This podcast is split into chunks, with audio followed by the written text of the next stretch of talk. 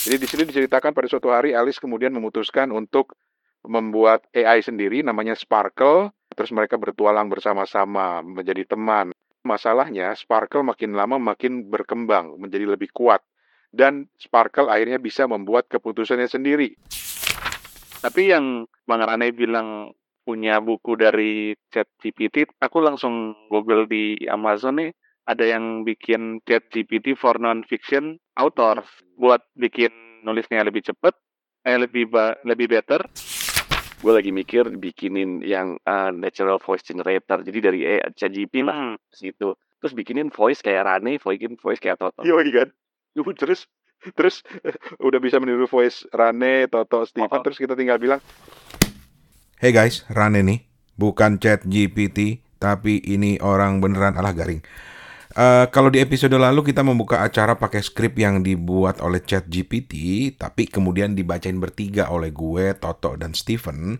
Nah kali ini di bagian kedua ini kita pakai chat GPT juga untuk bikin skrip pembukaannya, tapi sekaligus dibacain sama layanan text to speech yang lumayan keren namanya Narakit.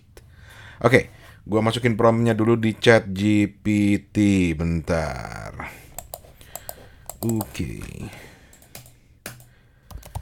Ceritanya kamu adalah host podcast bernama Kepo Buku yang bicara soal dunia perbukuan. Kamu harus membuka sebuah episode baru yang merupakan kelanjutan dari episode sebelumnya. Di episode ini topiknya masih tentang artificial intelligence dan dunia buku. Silakan improvisasikan bagian pembukaannya. Oke. Ini udah keluar hasilnya. Selamat datang di Kepo Buku, acara di mana kita menjelajahi dunia buku dan ide-ide. Saya adalah tuan rumah acara ini, dan saya sangat senang bisa kembali bersama Anda untuk episode lainnya. Jika Anda bergabung dengan kami untuk pertama kalinya, Kepo Buku adalah acara yang membahas buku, tren, dan ide terbaru yang membentuk dunia saat ini. Pada episode sebelumnya, kita membahas topik yang sangat menarik tentang kecerdasan buatan, dan hari ini kita akan melanjutkan diskusi itu dengan fokus pada bagaimana AI memengaruhi dunia buku. Namun, setiap inovasi juga membawa tantangan, dan kami akan mengeksplorasi hal-hal tersebut. Dan saya tidak sabar untuk mendengar apa yang akan dikatakan oleh para ahli kami. Jadi duduklah, santai, dan bergabunglah dengan kami untuk episode Kepo Buku yang penuh pemikiran dan inspirasi.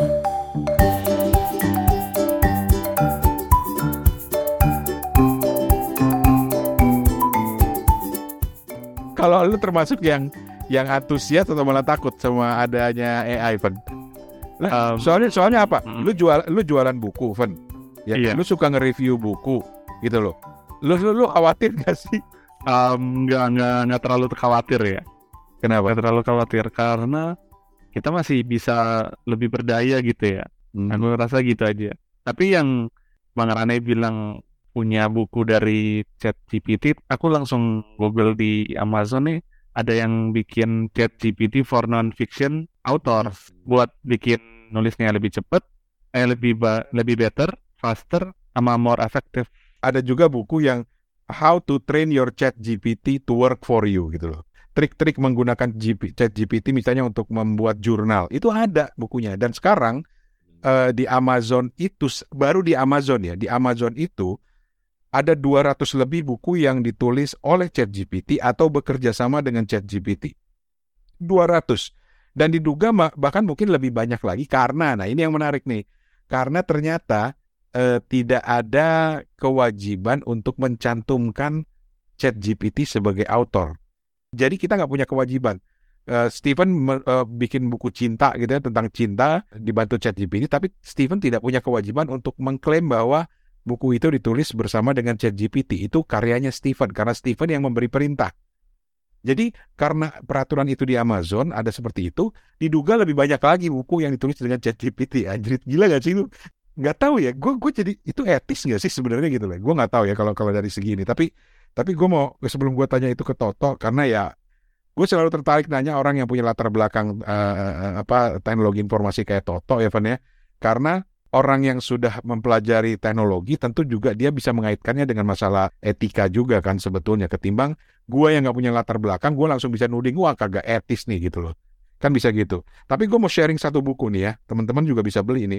Bukunya sederhana banget judulnya Alice and Sparkle ini karya Amar Reshi jadi buku ini baru memicu perdebatan tentang etika menulis buku bersama ChatGPT. Murah nih cuma 77 ribu bukunya. Tapi ya halaman eh, menarik buat gue karena ini salah satu buku bersejarah gitu loh. Jadi Amar Reshi eh, Amar Reshi ini kayak Toto orang IT juga dan bahkan di di bukunya di bagian belakang bukunya jadi dia bilang gini setelah dirilis uh, buku saya ini uh, memicu uh, diskusi mengenai chat GPT namun dia berharap ini akan mengarah kepada para konten kreator gitu. Karena jadi gini buku yang berjudul Alice and Sparkle ini bercerita tentang seorang anak yang diperkenalkan dengan uh, artificial intelligence. Jadi kemudian dia memutuskan untuk membuat artificial intelligence-nya sendiri untuk menjadi temannya dia dan kemudian mereka bertualang berdua. Nah itu di situ dibuat dengan semua konten-kontennya dengan dengan chat GPT. Ini walaupun dalam bahasa Inggris ya misalnya nih gua gua kutipin salah satu bagiannya. One day a young girl named Alice discovered the magic of AI. She was amazed by their abilities and wanted to learn more. Jadi dia tertarik mau belajar lebih jauh. Tapi Alice, gue langsung terjemahin aja ya. Tapi Alice kemudian menyadari bahwa AI harus diperlakukan dengan sangat hati-hati. Karena AI itu sangat kuat, sangat powerful, dan bisa digunakan untuk kebaikan dan keburukan. Tergantung bagaimana dia dibimbing untuk itu. Kan gila kan? Uh, depending on how they were guided. Jadi si penulisnya ini baik sebetulnya. Karena dia ingin menunjukkan uh, uh, manfaat dan mudaratnya dari artificial intelligence gitu.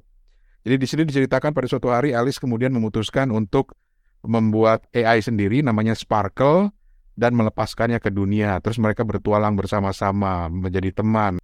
Dia sering membantu Alice mengerjakan PR-nya, bermain game. Terus juga di sini diceritakan lama-lama masalahnya Sparkle makin lama makin berkembang menjadi lebih kuat dan Sparkle akhirnya bisa membuat keputusannya sendiri.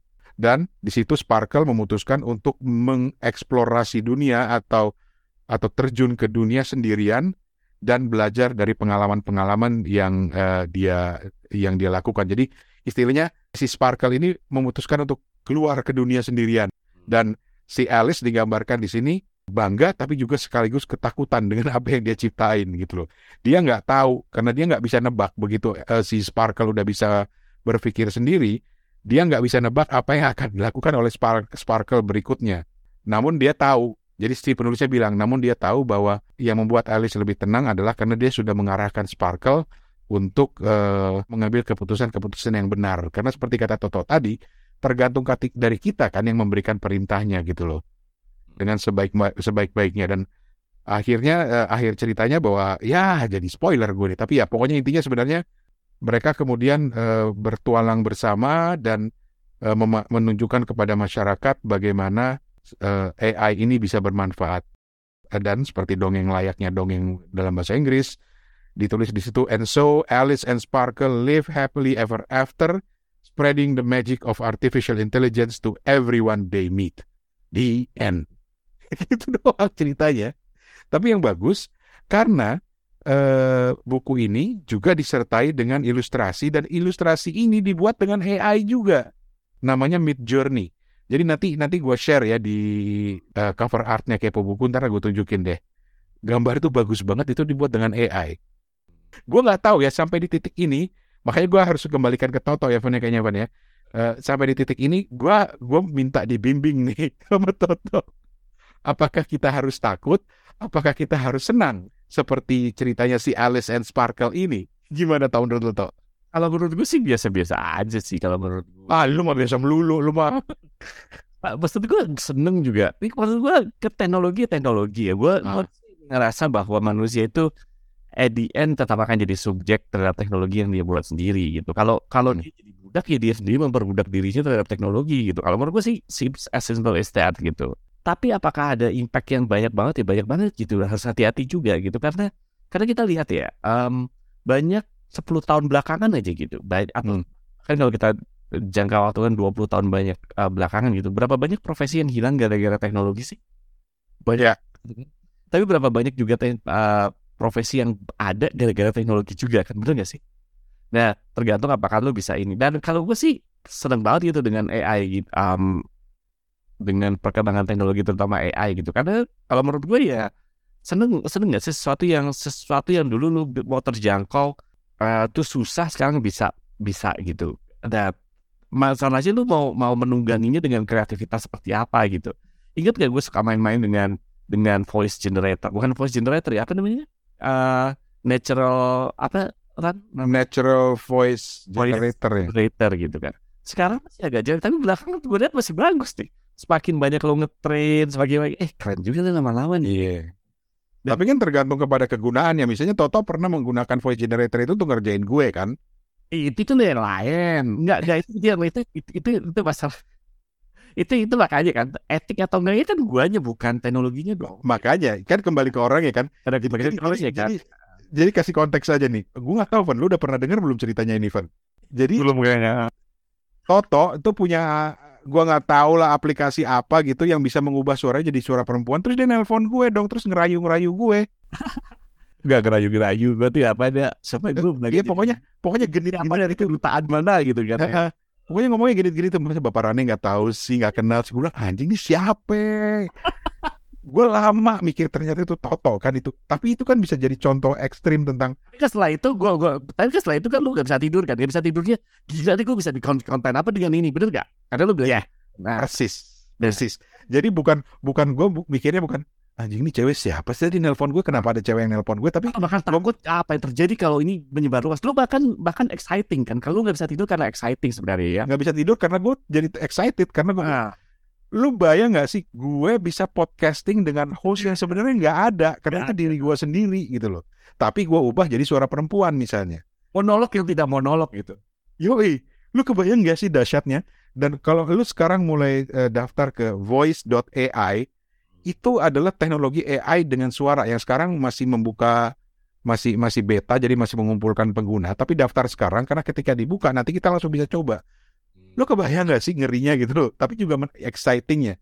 Lu kebayang nggak sih, Van, bisa dipakai buat apa AI ini kalau dikaitkan dengan profesi lu sekarang? Entah dengan profesi lu sebagai seorang pengusaha atau pedagang, atau sebagai Mhm. seorang reviewer buku atau pedagang buku, lu kebayang nggak sih?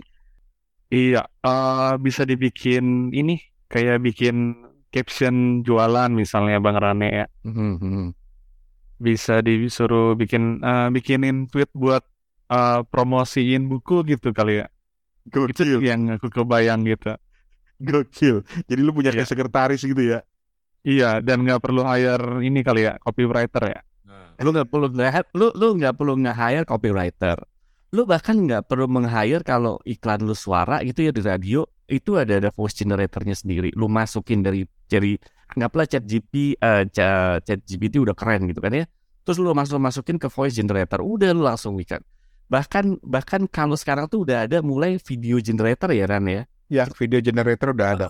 lo bisa bikin artis virtual dan dan gue liat nih si Inting ini lama-lama udah bener-bener kayak gue nggak bisa bedain mana manusia mana mana generator gitu udah udah tinggal itu cuman gue gue gue bilang lima tahun ke lima tahun itu kayaknya terlalu lama gitu jangan besok besok udah bisa halus banget gitu Itu dia. halus banget Itu dia. menurut gue bisa bikin iklan lu ngedirect lu tinggal ngedirect doang. Lu dong eh, ngomong ini ini ini ini sudah dia selesai. Ah lu ngomong lu masih kaku coba diubah ngomongnya. Kan cuma masalah ngetrain AI juga bener gak sih? Iya, masalah ngetrain AI.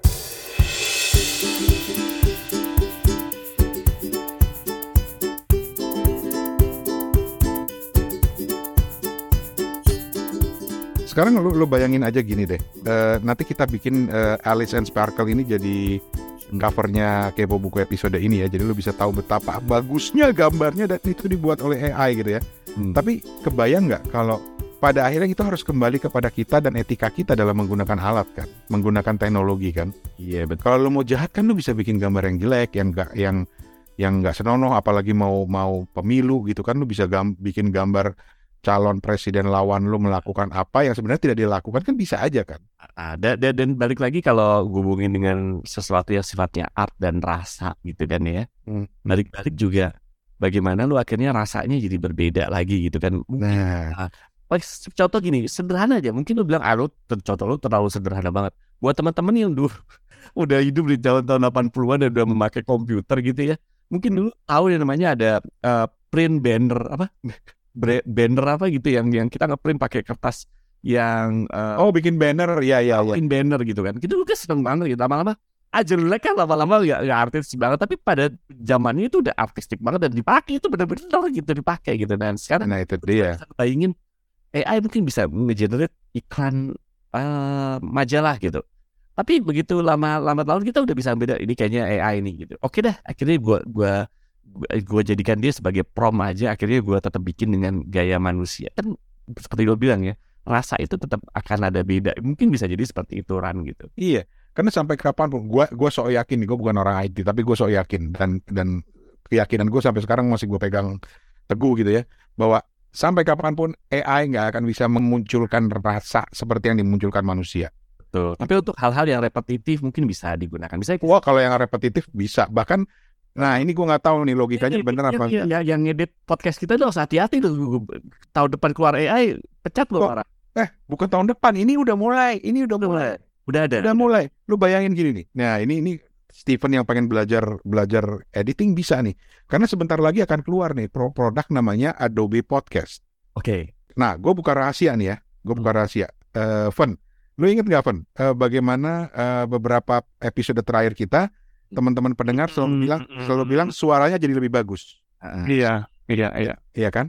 Itu gue film. bikin pakai AI. Nah, oke. I- Itu gue bikin teknologinya pakai podcast.adobe.com. Di di di di di advance-nya nanti bahkan lu cuma masukin suara gua gitu atau rekaman ini gitu ya. Dia bisa bagusin suara kita, tapi bahkan nggak cuma itu, ngekat gitu. Eh Toto nih ngomongin ngat. Nah, itu itu itu yang gue mau cerita. Jadi yang yang pertama kan eh, suara yang jelek kita rekam itu jelek itu karena suaranya Steven sama Toto kan timpang ya karena koneksinya beda. Gua masukin ke teknologi AI dari Adobe itu jadi bagus seolah-olah kita lagi bicara di satu ruangan. Makanya banyak yang komentar suaranya Bang Toto jadi keren ya, suara Steven juga jadi keren gitu ya. Itu satu. Yang kedua, podcast Adobe ini kalau udah meluncur ini kan masih versi beta ya. Versi beta itu apa sih maksudnya? Percobaan ya Toh ya? Yang dia tuh sebenarnya udah komplit tapi belum belum versi finalnya gitu. belum versi finalnya. Oke. Lu bayangin ya, lu ngerekam nih kayak gini nih. Gua ngerekam suara gue bla bla bla bla, kita ngobrol. Terus nanti sama eh, sama podcast Adobe itu akan ditranskrip. Hmm. Jadi ada tulisannya. Dan gilanya lagi, ketika lu ngedit misalnya ada bagian-bagian yang mau lu edit, yang lu edit bukan eh, audionya, tapi tulisannya. Jadi misalnya ada kata-kata Toto itu sebenarnya jahat sekali gitu kan.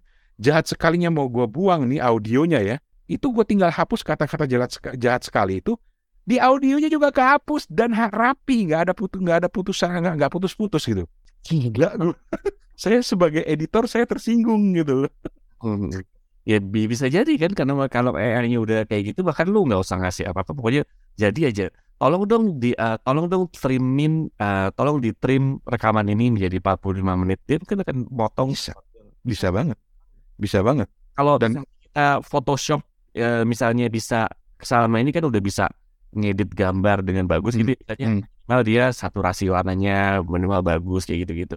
Suatu hari ke depan oh ini jelek nih kalau ada tiang di sini nih gue buang deh gitu. Bisa jadi begitu. Iya. Kalau tiap kan? hari kita masih artistiknya oh jangan deh ini ada tiangnya di sini. Oh ini tiang jelek nih gue gue potong gue crop sendiri. Suatu saat nanti tinggal masukin aja foto tiba-tiba jadi bagus. Nggak cuman nggak cuman saturasi warna, nggak cuman Iya kayak gitu-gitu bahkan artistiknya dia perhatiin gitu. dan dan unsur rasa itu jadi penting banget tuh gue eh, bagi gue sampai gue pernah eh, eh, bereksperimen dengan eh, alat yang untuk membuat gambar berteknologi AI itu yang namanya DALL-E itu. Itu gue masukin puisinya Pak Sapardi Djoko Damono. Oke. gue bilang eh, bikin gambar berdasarkan puisi ini. Dia bikin tapi gambarnya nggak sempurna jadi jadi Sapardi Djoko Damono tuh punya puisi pendek namanya Gadis Kecil. Dia intinya cuma ada gadis kecil diseberangkan gerimis di tangan kanannya bergoyang payung tangan kirinya mengibaskan tangis di pinggir jalan ada pohon dan seekor burung. Itu doang. Gue pikir sederhana dong. Gue penasaran gambarnya jadi seperti apa. Nggak bisa dia munculin. Nggak ada unsur burungnya di situ tapi ada gambar gadis kecil yang di, berdiri di bawah pohon lagi megang payung. Buat gue itu aja udah udah gila gitu loh Jadi Tapi iya. tetap rasanya nggak muncul. Jadi kalau gua ngeliat gambar itu gua nggak bisa ngeliat puisinya Sapardi gitu. Tapi untuk hal-hal yang memang seperti tadi gue bilang repetitif tuh bisa banget gitu AI. Repetitif dan logis ya. Itu gue sering ah saya seperti itu kan gue sering eh, karena Twitter gue tuh sekarang ngumpulin yang kayak gitu-gitu gitu. Jadi banyak dan salah satu iklan yang berseliweran di tempat gue adalah AI itu um, bahkan dipakai untuk nah kalau ini mungkin banget dan udah ada gitu software Nah, ah, ah. untuk eh, ini gak ada hubungan dengan art ya, tapi ada hubungan untuk eh, eh, apa namanya eh, radiologi. Lo tau kan kalau gambar radiologi? Radio udah bisa gitu. Oh nih di sini lu ini potensial cancer. Terus gue kasih nih ke temen gue kan seorang radiolog dia dokter. Ah, keren. Dia tuh gue udah tahu kampret itu tinggal waktu aja tuh gue tinggal namanya kayak begitu.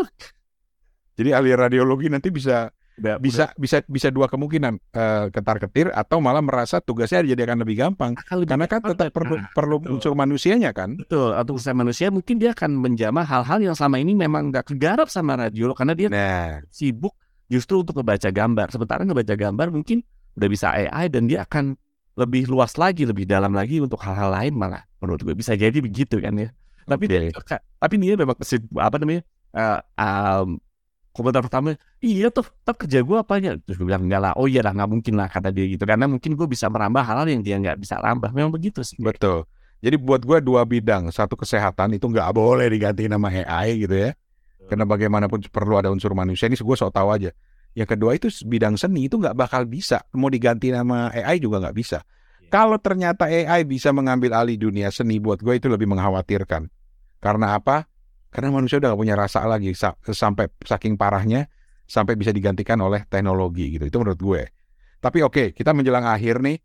eh, mungkin eh, kita ke Steven lagi deh. Fen, apa yang kayak kayak kayak closing statement lah apa yang yang menurut lu ini kenapa kayak buku jadi serius ya ngomongin AI ya Supaya kelihatan, supaya kelihatan kalau kita bukan AI gitu. oh gitu ya Iya. atau jangan-jangan nanti orang-orang akan, akan mikir nih kepo buku dari tadi serius wah berarti ini AI nih gue kadang-kadang bikin Skripnya ya, skrip. Eh, so gue kadang-kadang pikir sebelum Steven bikin eh, closing statement ya, gue kadang-kadang mikir, eh ah ini chat GP keren banget ya kalau bisa gini ya. Terus gue lagi mikir bikinin yang eh, natural voice generator. Jadi dari eh, chat GP lah Hmm. situ. Udah kita cuma gitu doang. Terus bikinin voice kayak Rane, bikin voice kayak Toto. iya kan terus terus udah bisa meniru voice Rane Toto Steven Oh. terus kita tinggal bilang kita episode ini mau bikin itu tentang ini ini, gitu. Terus itu ya kan? ini, gitu. bercandaannya nanti soal ini Ya, terus oh, ngeledekin Stevennya begini gitu gitu gitu jadi itu kayak buku jadi kayak buku udah selesai. kita tinggal terima duitnya eh enggak. Kita te- terima kita tinggal terima celahannya aja. terima celahannya. Oke Van kalau lo gimana Van? Ini, ini buat penutup lah. Em, betul-betul apa ya? eh, jadi obrolannya obrolannya tuh asik banget ya tentang AI ini dan apa ya? Kembali lagi ke fungsi dari AI itu mungkin untuk eh, provide kemudahan buat kita kali ya. Jadi mungkin teman-teman bisa manfaatin dengan baik. Itu aja. pertanyaan gue sekarang karena lu udah membaca ratusan mungkin jutaan buku dalam hidup lo lu mau nggak baca buku yang ditulis oleh AI Wah, ini pertanyaannya cukup berat ya Bang Rane ya. Eh, makanya pertanyaan karena karena itu kan bukan manusia kan dan nggak ada rasa segala macam tapi mereka dia punya pengetahuan dia punya teknologi Iya. lu mau baca nggak kalau ada buku yang ditulis oleh AI Kalau misalnya AI-nya dikasih nama manusia mungkin bakalan kebaca kali ya. Tapi kalau dalam artian eh, ditulis by AI, kayaknya nggak seberapa tertarik ya gitu ya untuk gitu ya? aku sendiri. Iya bener. kenapa? Kenapa?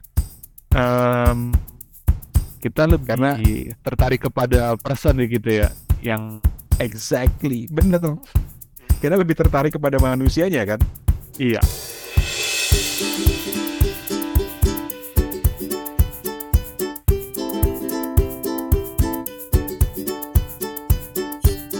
Tapi sekarang kita tanya mari kita tanya kepada pakar IT ini lu mau nggak baca buku yang ditulis oleh AI toh Mau-mau aja kenapa enggak?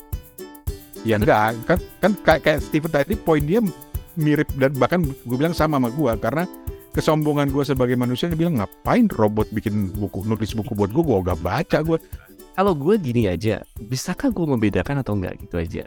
Seperti tadi Steven bilang, kayaknya nggak jauh beda. Nah sekarang lu kalau baca buku atau baca artikel di internet, lu malah tahu itu di generate sama chat GPT, chat GPT atau bahkan jangan-jangan Iya sih. publish orang udah bisa bikin AI. Bener kan?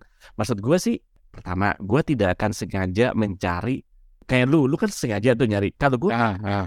gue kan nggak akan sengaja nyari kecuali kalau gue mungkin ada interest tertentu dan gue pengen tahu gimana gitu kan ya. Saat Hmm. ini gue nggak akan mencari buku yang sengaja ditulis sama uh, AI. Tapi gue juga tidak akan menghindar pada saat gue memfilter buku-buku di Amazon atau di mana pun, gue juga tidak akan memfilter kalaupun ada filternya buku-buku yang tidak di tidak dibuat oleh AI-nya juga gitu. Oh iya ya, karena karena memang tujuan lu bukan bukan siapa yang ngebuatnya ya. Ah, kan tujuan gue adalah isinya dong, gue nggak peduli cerita sama siapa gitu. Ya. Nah, di situ di situ titik perbedaan gua sama lu toh. Kalau gue, gua akan lihat bukunya. Hmm. Kalau dia buku pengetahuan, knowledge tentang eh, ya buku-buku lu lah ya tentang bahasa segala macam ditulis oleh AI, gue nggak keberatan lah karena itu lebih untuk nambah knowledge. Tapi kalau buku-buku yang bersifat untuk memperkaya rasa, Hmm. untuk untuk untuk makanan bagi rasa gua gitu, Hmm. misalnya buku-buku sastra, gua kok cenderung kalau gua tahu ya lagi-lagi seperti Steven bilang, kalau tahu ditulis oleh AI, gue nggak akan mau baca gitu loh, karena buat gue nggak ada unsur rasanya di situ gitu. Nah kalau Karena membaca- rasanya, kalau nggak ada unsur rasanya, lu bahkan tidak tahu apakah AI atau enggak gitu kalau menurut gue. Kalau gue Ya, tapi- setuju sama lo bahwa ketika kita membaca ada unsur rasa, ah, ketika kita melihat film ada unsur rasa betul. Tapi gue I don't care gitu. Kalau nggak ada unsur rasanya manusia apa AI, kenapa gue ngejudge duluan gitu? Maksud di depan. Ah, cakep. Berarti lebih kepada kesombongan manusia aja ya. Ah, gitu. Tidak mau ditindas oleh eh, eh, ras lain gitu ya, ras artificial intelligence. Kalau gue gitu gitu. Kalau menurut gue, eh ini uh, film nggak ada rasanya. Ternyata belakang, oh AI ternyata pantas. gitu kalau gue. Tapi ternyata wah ada rasanya, tapi AI yang bikin. AI bikin di Bodoh apa keren banget sih. Gimana caranya dia ngetrain AI-nya? Kalau gue selalu begitu. Ah. Bagaimana caranya dia ngetrainnya ya, bukan Ah, AI-nya ya. Bukan bukan kepada teknologinya tapi kepada orang yang ngetrainnya ya. Betul. Atau gue balik lagi.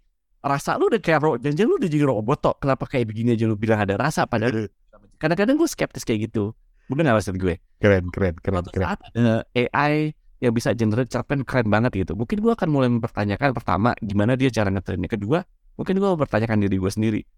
Kok lu udah kehilangan rasa sebagai manusia? Nah, atau gimana? Itu kan penting. Makanya gue nggak mau ini, nggak mau nggak mau apa namanya di depan dulu. Biarin aja gue baca aja dulu. Kalau gue seneng kan Kan Oke. sama aja kita nge-post buku kan nggak peduli kan siapa penulisnya selama juga begitu. Hmm. Betul. Begitu Kepo- kita pilih-pilih dong penulis yang keren-keren. Iya, iya. Ya kita di Kepo Buku kan nggak pernah milih-milih kan. Ah, Itu menarik gitu. Jadi nulis milih-milih AI apa enggak tuh biarin aja gitu. Oke. Gitu. Kalau Gila. Tok, lu pinter banget lu Tok malam itu. Gila lu Tok.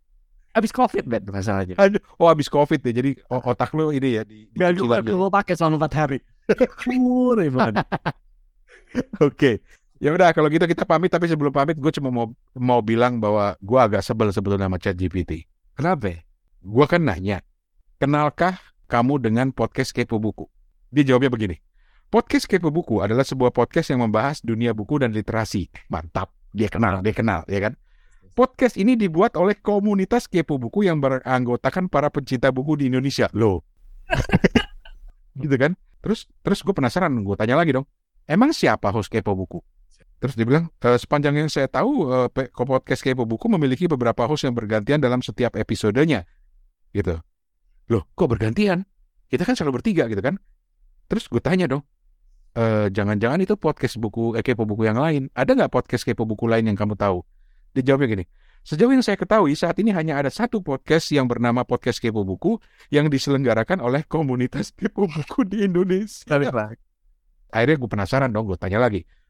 Pernah dengar podcast Kepo Buku yang hostnya di Singapura, Ambon, dan Bangkok? Kan lebih mengarahkan, ya kan? Gue asumsikan di Bangkok karena data itu data yang banyaknya di situ kan.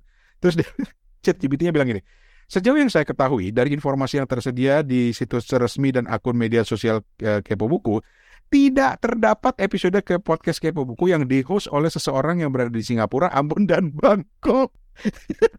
Tapi kalau menurut gue itu bukan masalah cerdas dan tidak cerdas. Masalah dia punya informasi atau enggak.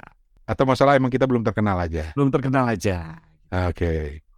Baiklah. Kalau begitu kita harus lebih banyak eksis di media sosial biar nanti dikenal dan ketika kita tanya mereka langsung nyebut kita bertiga. Tapi ada satu sebenarnya gue tuh pengen chat eh, GPT tuh ada settingan humor dikit gitu. Itu rasa toh. Lu udah di setting aja gitu kadang-kadang ngambek nggak mau ah gitu.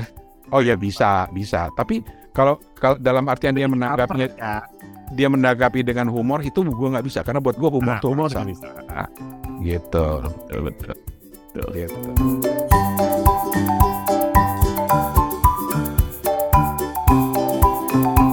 Oke lah, terima kasih banyak.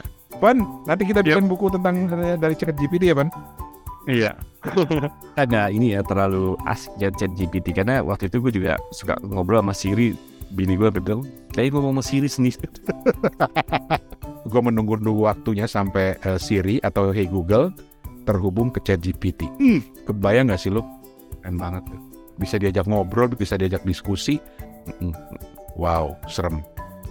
Ya udah, terima kasih banyak teman-teman eh, atas waktunya. Mudah-mudahan ini bermanfaat dan kalau kalian juga mau ikut eh, cerita atau sharing tentang chat GPT atau artificial intelligence di dunia perbukuan dan literasi, ya kontak aja kita atau tinggalin tinggalin komen di eh, komen se- apa sesi eh, formulir komen yang ada di eh, Spotify kalau kalian pakai Spotify kalau enggak kontak kita di tim kepobuku at gmail.com tim kepobuku at gmail.com atau 087878505012 gua Rane Hafid pamit saya Arto Teko juga pamit Saya Stephen Sitongan pamit. Sampai jumpa di lain kesempatan. Dadah. Gua kadang mikir ya suaranya Steven nih mirip suara agak-agak robotik gitu bisa jadi gue curiga jangan kita sebenarnya dia juga AI juga cuman diem diem aja dia. Iya iya jangan-jangan nih. Jangan-jangan Steven tuh nggak pernah ada. Dan, dan ini juga nih ngomong. Oke. Thank you Pan thank you Tao Yuk, Eh, Selamat malam. selamat malam. Sehat. Semua. amin